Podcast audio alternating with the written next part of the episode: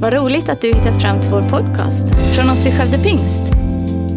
Vår bön är att den ska hjälpa dig förstå mer om vem Gud är, bygga din relation med honom och ge praktiska verktyg för ditt liv. Idag inleder vi Jesus sista vecka, åtta dagar som skulle komma att förändra hela världshistorien. Jesus gick här på jorden ungefär 33 år. Under de åren fullbordade han över 300 gammaltestamentliga profetior, vilket i sig är helt otroligt. Och allt detta kulminerar under den här sista veckan. Den traditionella kristna påskveckan skiljer sig från den påskvecka som Jesus firade i det att vi har en rörlig högtid medan judarna judarnas påsk är mer som våran jul, att den alltid infaller på samma datum. I kyrkomötet år 325 så beslutade man att påskdagen eller uppståndelsesöndagen alltid skulle vara den första söndagen efter den första fullmånen efter vårdagjämningen. Vilket gör att det kan skifta nästan på en månad. Så när vi nu kommer följa den här sista veckan så är det inte säkert att det skedde på exakt de dagarna som vi ju minns dem på i den kristna kristna traditionen. Men det viktiga är inte exakt när det skedde, men att det skedde och vad det innebär för oss idag. Idag ska vi läsa ifrån Matteus kapitel 21 och du kan gärna läsa redan från vers 1 till 11 men jag kommer hoppa in ifrån vers 6. Det står så här. Lärjungarna gav sig iväg och gjorde som Jesus hade befallt dem. De hämtade åsnan och fölet och lade sina mantlar på dem och han satt upp. Den stora folkmassan bredde ut sina mantlar på vägen, andra skar kvistar från träden och strödde på vägen. Och folket, både de som gick före honom och de som följde efter, ropade Hosianna, Davids son, välsignade han som kommer i Herrens namn, Hosianna i höjden. När han drog in i Jerusalem kom hela staden i rörelse man frågade Vem är han? Folket svarade Det är profeten Jesus från Nasaret i Galileen. När Jesus rider in den här dagen, det som vi kallar för palmsöndagen, så är det den tionde i månaden Nisan som kommer att inleda det osyrade brödets högtid som kommer inträffa lite senare i veckan. Jesus rider på en åsna nerför Olivberget. Han har begett sig från Betania på andra sidan eh, över för att rida ner för Olivberget genom Kidrondalen och in i Jerusalem. När han inleder sin ritt och kommer på krönet av Olivberget så ser han det mäktiga templet som reser sig upp med en fasad som var 50 gånger 50 meter, en mäktig syn. Dagens gyllene klippdom som vi säkert alla har sett på bild är med sin spira 35 meter meter hög. Vilket ger oss en känsla för hur stort och mäktigt templet var på Jesu tid. Händelsen är unik på det sättet att det sammankopplar Gamla Testamentets profetior som talar om Messias, den utlovade, den smorde som ska komma både som lejon och som lamm. Att han både var en kung av Juda, lejonet av Juda och på samma gång ett offerlamm som tar bort världens synd. Det här har förbryllat många av de som har studerat Gamla Testamentets profetier men i Jesus och i den här händelsen så sammanförs de på samma gång. Jesus rider in på en åsna och tas emot som kung av folket. Tiotusentals människor hade vallfärdat från hela medelhavsområdet för att fira påskhögtiden. Många av dem kom från Galileen där Jesus verkade och rörde sig allra mest och var omåttligt populär. Säkert var det dessa som inledde kören, lovsången, lovprisningen utav Jesus och ropade Hosianna, välsignad är han som kommer i Herrens namn, Davids son. Samtidigt som de viftar med palmblad och lägger ner sina kläder på vägen framför Jesus i ett sätt att uttrycka sin vördnad och sin hyllning utav Jesus. De tar emot honom som en kung. När en kung på den här tiden närmade sig en stad så visade också eh, det, det djuret som han red på vilka intentioner han kom med. Om han kom ridande på en häst så kom han redo att med makt och auktoritet och våld om så behövdes inta staden med våld. Men om han kom ridandes på en åsna så visade det att han hade fredliga avsikter. Och när Jesus kommer för att göra revolution och upprätta det nya riket, Guds rike, så kom han inte för att göra det med våld och med makt. Han kom med en annan sätt. Han kom ödmjuk ridande på en åsna som Sakarja profetia förutser. Och han kommer för att upprätta ett rike av frid som är utan slut och göra revolution inte med våld utan med kärlek. Samma dag som Jesus rider in här i får, genom fårporten som ligger precis norr om tempelplatsen så förs det genom samma port in tusentals eh, påsklamm som ska förberedas och prövas för att kunna användas vid påskmåltiden. Många av dessa lamm hade uppfötts på, på ängarna utanför Betlehem där herdarna hade en särskild uppgift just att föda upp lamm som skulle kunna användas som offer vid templet. Samma herdar hade långt ett antal år tidigare varit där ute på ängarna den natten som Jesus föddes och blev av änglarna uppmanad att gå in och se Jesus, Jesus det, eh, eh, det nyfödda barnet där i krubban och för första gången lägga ögonen på offerlammet, Guds eget lamm.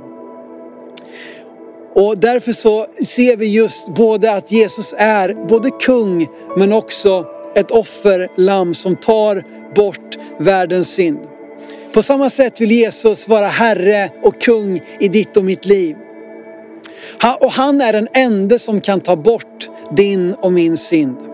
Och precis som folket la av sina mantlar inför Jesus i hyllning och i ödmjukhet så är det min uppmuntran till dig när vi nu inleder den här veckan som ska leda fram till Jesu död och uppståndelse. Att också du skulle lägga av dina fasader, lägga av det yttre och låta Gud få tala in i ditt innersta eh, eh, och visa vem han verkligen är och vad han har gjort för dig och mig och vad han vill göra i ditt och mitt liv.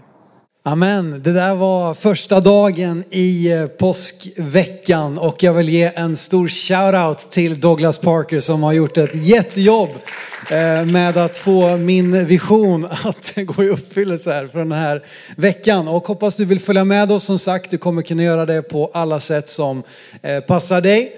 Och vill du lyssna så kommer det på podden. Det ligger ute i första avsnittet nu. Sociala medier, YouTube, you name it.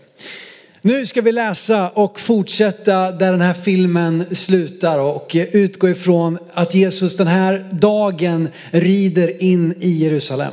Vi ska läsa i Kolosserbrevet kapitel 1 och från vers 25. Och eh, här så eh, skriver Paulus så här. Vi hoppar rakt in här i vers 25. Paulus säger dess tjänare, alltså församlingens tjänare har jag blivit genom det uppdrag, som Gud gav mig för er skull. Att överallt predika Guds ord. Den hemlighet som varit dold genom tider och generationer men nu har uppenbarats för hans heliga. Gud ville visa dem vilken rik härlighet denna hemlighet är bland hedningarna. Kristus i er, härlighetens hopp. I samma stund som syndafallet inträffar, nämligen att Adam och Eva, eh, de faller i synd och det kommer en skilsmässa mellan Gud och människan. I samma stund så inleder Gud sin frälsningsplan. Att det inte skulle vara slutet på relationen mellan Gud och människan utan att vi skulle få en ny chans, att vi skulle bli upprättade eh, och, och ledas till försoning eh, genom Jesus Kristus. Där Gud verkar vara overksam. Jag menar, tittar man på de, de tusentals åren som går mellan Adam och Eva fram till Jesus så kanske man tycker ända fram i vår tid kan man tycka att Gud verkar ha varit overksam. Att, vad, vad gör han? Vart är han? Vad håller han på med ungefär? Men i själva verket så har han varit i full gång för att lägga på plats bit efter bit för att förbereda för att Jesus, Messias, eller Kristus som är det grekiska ordet för Messias, att ens moder skulle komma. Och om det här har Gud talat genom sina profeter. En profet är en person utvald av Gud att tala ord och budskap ifrån Gud om det som nu är och det som ska komma. Men när vi läser alla profetior för sig så får vi förstå att det här är ju sammankopplat i gamla testamentet över en tidsrymd av flera hundra år. Utav flera, under flera olika kungar på olika platser, olika sammanhang. Och i sig själv så, så kan det vara svårt att förstå vad handlar det här om. Det framstår som en hemlighet, ett mysterium som man också kan översätta det här ordet med. Men Hela tiden har Gud varit där och talat genom sina profeter. Hela tiden har han vakat över sitt folk, judarna, för att genom detta folket kunna uppenbara den person genom vilken allting skulle komma att fullbordas nämligen Jesus Kristus. I honom blir det som varit dolt uppenbarat. I honom blir det som för var för sig verkar vara svårt att föra samman, så klarnar bilden. Och Paulus säger att i honom har denna hemlighet uppenbarats. Kristus i er härlighetens hopp. Vi ska läsa också hur Petrus är inne på samma grej i Apostlärningarna kapitel 10. När Petrus säger så här, eh, från Apostlagärningarna 10, vers 42. Han befallde oss att predika för folket och vittna om att han är den som Gud har utvalt till domare över levande och döda. Om honom vittnar alla profeterna att var och en som tror på honom får syndernas förlåtelse genom hans namn. Du vet att Jesus kommer och uppfyller det förutsagda. I hundratals år har Gud talat genom sina profeter och allt detta får sin fullbordan i Jesus. Jesus kom inte för att upphäva det gamla, han kom inte för att upphäva lagen och profeterna, han kom för att fullborda lagen och profeterna. Och det är någonting så otroligt att Jesus under sitt liv, som jag nämnde i filmen, han fullbordar över 300 gammaltestamentliga profetior. Och vi kan tycka, ja, ja det är väl inte så konstigt, och det, så har det väl alltid varit och hit och dit. Men om vi bara stannar upp lite grann så är det så att alla de här profetiorna är också så pass specifika. Det är liksom inte bara så där väldigt fluffigt, liksom luftigt, utan det är väldigt specifika. Han ska födas av en jungfru till exempel. Det är inte så lätt att liksom bara höfta till lite grann eller påverka det, eh, hur man ska födas. Men ändå så är det grej efter grej efter grej som fullbordas i Jesus. En man som heter Peter Stoner, han är död nu, men han var chairman of the Departments of Mathematics and Astronomy at Pasadena College i USA. Eh, han var passionerad över Bibelns profetier. Utifrån ett akademiskt och liksom vetenskapligt sätt så, så räknade han och han engagerade över 600 av sina studenter i att börja beräkna och göra noggranna matematiska uträkningar för sannolikheten att åtta stycken specifika profetior Dels att de var och en skulle uppfyllas i Jesus, men sen att de åtta också tillsammans skulle uppfyllas av en och samma person. De kom fram till att om det här bara hade varit liksom eh, eh, ren tur, om det här bara hade varit mänsklig visdom eller mänsklig tur, så är sannolikheten att Jesus skulle uppfylla dessa åtta profetior, tio upphöjt till 17. Och det är alltså så här som ni ser på skärmen. Det här är alltså 10 upphöjt till 17. Jag tror inte ens det finns ett ord för det här talet. Han visualiserade så här i sin bok Science Speaks, då säger Peter så här. Om du märker en av tio biljetter och lägger i en hatt och blandar noggrant och sedan ber en person med ögonbindel att dra upp en av biljetterna så är chansen en på tio att han tar rätt. Föreställ dig att vi tar 10 upphöjt till 17 silverdollar och sprider över hela Texas. De kommer täcka hela Texas två fot djupt. Märk sedan en av dessa silverdollar och blanda alla igen noggrant. Sätt sedan ögonbindel på en person och se åt honom att han får resa var han vill i hela Texas. Men sedan måste han välja en och säga att detta är den märkta silverdollarn. Hur stor chans skulle han ha att hitta rätt? Lika stor chans som profeterna skulle ha att alla dessa åtta profetior skulle uppfyllas av en och samma man någon gång under historien från deras tid till nutid förutsatt att det skrev enbart efter egen visdom. Det är ganska häpnadsväckande. I min ficka här så har jag ett jubileumsmynt ifrån när kungen och drottningen giftes 1976. Det här silvermyntet det är lite större än en silverdollar. Ehm, och Texas är ungefär en och en halv gånger så stort som Sverige. Men tänk dig att vi skulle ta den här, den här typen av silvermynt och lägga över hela Sverige och täcka det med 10 upp till 17 sådana här silvermynt. Då skulle det alltså det skulle bli mer än en halv meter djupt av sådana här mynt. Och sen då skulle en av dessa vara märkt och det var den som någon ska hitta. Den typen av sannolikhet är det att bara dessa åtta profetior skulle uppfyllas i Jesus Kristus. Och betänk då att han uppfyller inte bara åtta utan 300 profetier. Någon säger, ja men vadå det är ju påhittat, de har ju skrivit gamla testamentet och ändrat översättarna så att det ska stämma överens med Jesu liv. Nej, nej, nej, nej, nej. Vi har genom Döda havsrullarna och andra eh, originalkopior daterade skrifter utav gamla testamentet som är samtida med Jesus. Och det går liksom inte att och samtidigt som Jesus lever hålla på att skriva om de här texterna som judarna har bevarat med sina egna liv för att bevara den sanna läran om Gud ända från Abraham och Mose och framåt. Det här är fantastiskt. Den hemlighet som varit dold genom tider och generationer har nu uppenbarats för hans heliga.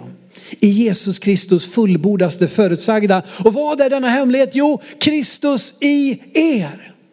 Det är det som är det stora, det är det som är det fantastiska, det är det som är det häpnadsväckande. Att denna Gud vill bli och komma och ta sin boning i dig. Och det här har sin premiärvisning på palmsöndagen när Jesus rider in i Jerusalem. Här, kanske tydligare än någon annan gång, så, så uppenbaras hans dubbla natur, hans dubbla uppdrag, hans dubbla funktion. Han är både kung och återlösare. Han är både lejon och lamm. Han är både herre och frigivare. Han är den som vi behöver. Och Paulus uttrycker att, att, att nu så kan Kristus komma i er. Gud som har skapat allt vill ta sin boning i dig. Gud som är upphöjt över allt annat kliver in i historien och tar sig, går ner från sin upphöjda plats och sätter sina fötter här på jorden för att leva som en av oss. För att erbjuda oss en relation med Gud på nytt. Men för att han ska göra det så måste du och jag ta emot honom som den han är. Därför att på samma sätt som Jesus rider in i Jerusalem, på samma sätt vill han rida in i ditt hjärta. Men då måste vi ta emot honom som den han är. Både som frälsare och som Herre. För det första måste vi förstå vårt behov av en frälsare. Inse vår egen brist, förstå den förlåtelse Jesus vinner på korset, den behöver jag. Jag är inte nog i mig själv. Jag är inte perfekt. Jag är inte liksom felfri. Jag behöver en frälsare. Jag behöver någon som hjälper mig att ta mig genom livet. Jag behöver någon som kan, som kan liksom förlåta och försona mina synder och mina felsteg. Du vet att Guds frälsning är en fri gåva, en gratis gåva som samtidigt kostar allt. Den tas emot genom tro av nåd. Din tro är Jesu inträdesbiljett i ditt hjärta. Han kan aldrig komma in i ditt liv genom att du liksom är född i ett kristet land, inte ens född i en kristen familj. Utan det är din personliga tro som är Jesu inträdesbiljett. Det är när din tro kopplar med det som Jesus har gjort för dig som porten i ditt hjärta öppnas på vid gavel och Jesus kan rida in. Vi behöver Jesus som offerlamm för våra synder och vår brist. Det är svårt att koppla kanske det här med offerlamm, jag hinner inte riktigt gå in på det. Men alltså det här är ju en symbol för att, att kunna täcka över att ett annat, en annan varelse skulle liksom ta och täcka över folkets straff genom det här offerlammet och påskalammet eh, specifikt.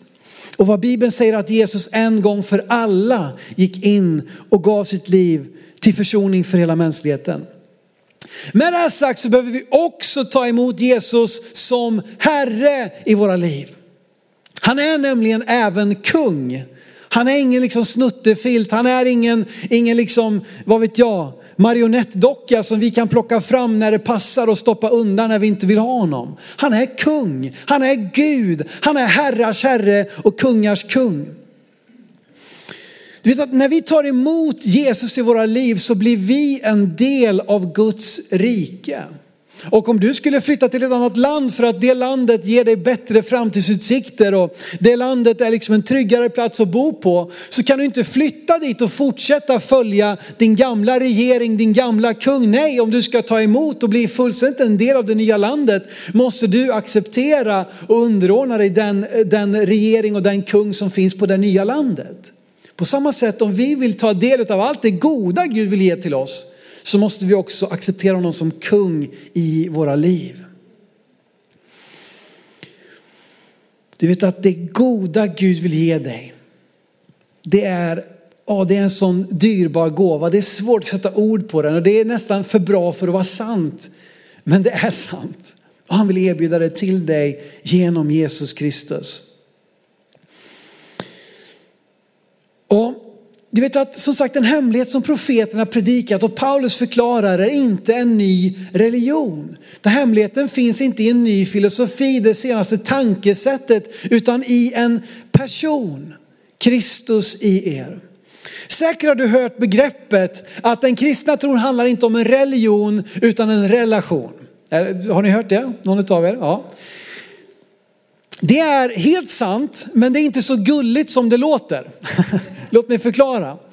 Sättet i uttrycket används är ofta för att säga ja, ja, du vet att Gud det, det, är en relation, Gud är din kompis, han är din vän, han vill, liksom, han vill, han vill att du ska må bra och allt det där. Och, och absolut, liksom, det, det, det, har, det har sin sanning. Eh, men grejen är att vi ofta har det som ett sätt att, att definiera Gud på ett sätt som då ska passa in i min uppfattning, mina preferenser och min övertygelse.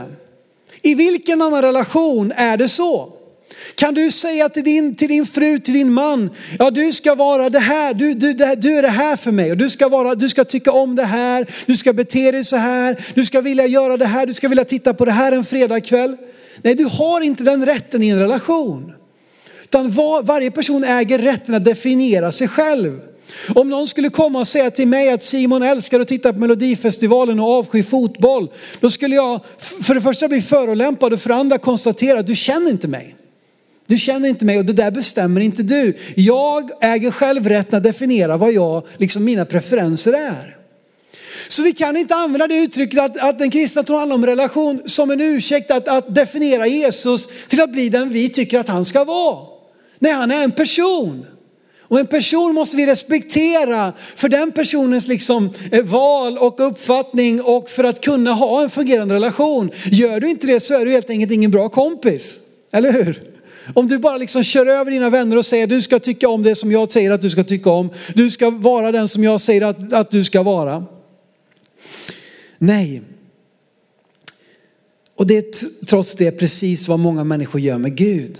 Vi tillskriver honom en massa saker som han aldrig själv har sagt. Så för att kunna ta emot Jesus och få lära känna honom i den relationen som han bjuder in oss till, så måste vi också lära känna honom utifrån den han själv säger sig vara. Vi måste låta Gud definiera sig själv och välkomna honom in i våra liv. Om vi liksom tillskriver honom allt möjligt som han själv inte skulle göra så visar det att vi inte är intresserade av en relation. Vi är intresserade av en utopi, en fantasi eller en låtsaskompis. Men Gud är på riktigt. Och det visar sig så tydligt i Jesus Kristus. I honom så förstår vi vem Gud är. Genom Jesus förstår vi Guds kärlek till varje människa. Så vi behöver ta emot honom i våra liv och rida in både som den som kan frälsa mig, den som förlåter mig, den som utplånar all min synd, all min brist och ger mig ett löfte om ett evigt liv. Men också är kung, herre, den som jag vill följa. Vi kan inte bjuda in Gud och förvänta oss att han ska följa oss vart vi än går. Utan att följa Jesus, att vi vänder oss från vår egen väg och gör en 180 till honom för att följa efter Jesus. Kom och följ mig, sa Jesus när han kallade sina lärjungar. Och det är vad du och jag bjuds in till den här påskveckan och den här palmsöndagen. Och det som vi kan fatta beslut om utifrån det vi läser och det vi förstår om vad Jesus gjorde på just den här dagen. Vi behöver helt enkelt lägga av våra mantlar. Lägg av din mantel. När Jesus red ner för Olivberget så tog folket av sig sina mantlar och lade dem framför honom. Manteln eh, symboliserar auktoritet och utan den ansågs man vara naken eller avklädd. När Elisa till exempel, profeten, vi har ju Elia och Elisa i gamla testamentet, när Elisa ska efterträda Elia så ber han Elia, lägg din mantel på mig. Alltså lägg din auktoritet, din smörjelse, ditt uppdrag, din tjänst, lägg den nu på mig som din efterträdare. Och när människorna lägger ner sina mantlar så ger de upp sin auktoritet och ställning i vördnad för Jesus. Det egna, det jag kan kontrollera, det jag kan åstadkomma, det bleknar i jämförelse med han som kommer ridandes på en åsna. En kung, Hosianna, välsignade han som kommer i Herrens namn. Och idag inbjuds du och jag att stämma in i lovsången av Jesus. Att lägga av det egna i ödmjukhet och komma nakna inför Gud. Att liksom, vi har ingenting att dölja. Vi kan försöka sätta upp fasader och makeup och filter och you name it. Men Gud ser rakt igenom allt det där så det är lika bra att vi själva tar av oss inför honom och säger Gud, här är jag. Herre, jag har varken mer eller mindre. Det spelar ingen roll vad du har liksom tjänat dig till. Det spelar ingen roll vilken position du har fått på din arbetsplats. Det spelar ingen roll hur mycket pengar du har på banken. Du vet att inför Gud så har vi ingenting att komma med utav liksom vad vi kan vara stolta över och skryta med. Vi får lägga ner vårt egna och stämma in i lovsången och ta emot honom både som lamm och lejon, som frälsare och kung. I Uppenbarelseboken kapitel 4 så läser vi om hur de äldste, det står om att det finns i himlen inför tronen när Gud sitter så finns det 24 äldste som det står så här om i Uppenbarelseboken 4, vers 10. Då faller de 24 äldste ner inför honom som sitter på tronen och tillber honom som lever i evigheters evighet. De lägger ner sina kronor inför tronen och säger, värdig är du, vår Herre och Gud, att ta emot lov och ära och makt för du har skapat allt. Genom din vilja kom det till och blev skapat. De som var kungar, äldste i ledande ställning lägger ner sina kronor och folket tog av sina mantlar Folket tog av sina mantlar och la inför Jesus när han kom ridande. Och de äldste böjde sina knän inför honom för att säga värdig är du. Jag lägger ner min krona. Jag lägger ner min mantel i vördnad inför dig. Och idag kan du och jag få göra samma sak. Jag vill uppmuntra dig som känner ett, ett, att det bultar i ditt hjärta. Att Jesus, jag vill att du ska vara Herre i mitt liv. Jag vill välkomna dig både som frälsare och som kung. Jag vill ta emot dig både som lejon och som lamm. Förlåt mig Gud min egen brist. Förlåt mig Gud det som jag har försökt att skryta med och hålla upp som en fasad. Jag lägger ner det inför dig just nu. Och om du vill stämma in i den här bönen just nu som vi ska be alldeles strax så där du är. Om du sitter hemma, om du är själv med din familj, vad det spelar ingen roll. Du kanske är ute och går, du kanske bara ska stanna till en stund på din promenad och om du vill så kan du också falla på knä när du är. Har du ett ytterplagg, varför inte ta av det och lägga det på marken framför. Och på det sättet få säga Gud, Välkommen in i mitt liv, värdig är du. Värdig är du. Jag tar emot dig hos Janna. Davids son, välsignade han som kommer i Herrens namn. Hosianna betyder Herre frälsen, bön om frälsning. Och det är det vi ska be just nu. Så där du är, om du är på dina knän så, det spelar ingen roll om du ser mig just nu. Det viktiga är att du har ditt fokus på Gud, på kungars kung, på herrars herre. Att du tillåter honom att rida in i ditt hjärta, i ditt liv. Att den här påsken inte ska handla om liksom nästa påskägg eller liksom eh, vad vi ska äta på påskafton. Utan att det ska få handla om han som gav sitt liv för dig och mig. Jesus sista vecka kan bli starten på ett nytt liv för var och en som tror på honom. Så Jesus just nu så ber jag för var och en som på det här sättet vill ödmjukas inför dig. Som vill falla ner i tillbedjan. I vördnad som vill lägga ner sin mantel, som vill ta av sig sin krona. Och säga Gud, välkommen in i mitt liv. Jag välkomnar dig. Ta din plats Herre. Tack att du är den som inte kommer med krav utan du kommer med nåd. Du kommer med evigt liv. Men du kommer också som kung och jag tar emot dig som Herre i mitt liv. Jesus Kristus. Låt det här få vara starten på någonting nytt. Låt det här få vara stunden då en till människa välkomnar dig in som den du verkligen är. I Jesu namn. Amen. Var med och lovsjung tillsammans med oss. Upphöj och ära och tillbe kungars kung och herrars herre. Tack för att du lyssnat. Gärna podden med dina vänner och glöm inte att prenumerera så du inte missar nästa predikan. Om du har några frågor eller vill att vi ska be eller tacka för något tillsammans med dig så får du gärna höra av dig till kyrkan skövdepingst.se. För oss är veckans höjdpunkt söndagens gudstjänst och det vore så kul att träffa dig där. Våra team finns då redo att ta emot dig och det finns även egna samlingar för barnen. Du hittar mer information om oss, vilka vi är och våra olika mötesplatser på skövdepingst.se. Gud välsigne dig och ha en fortsatt bra vecka.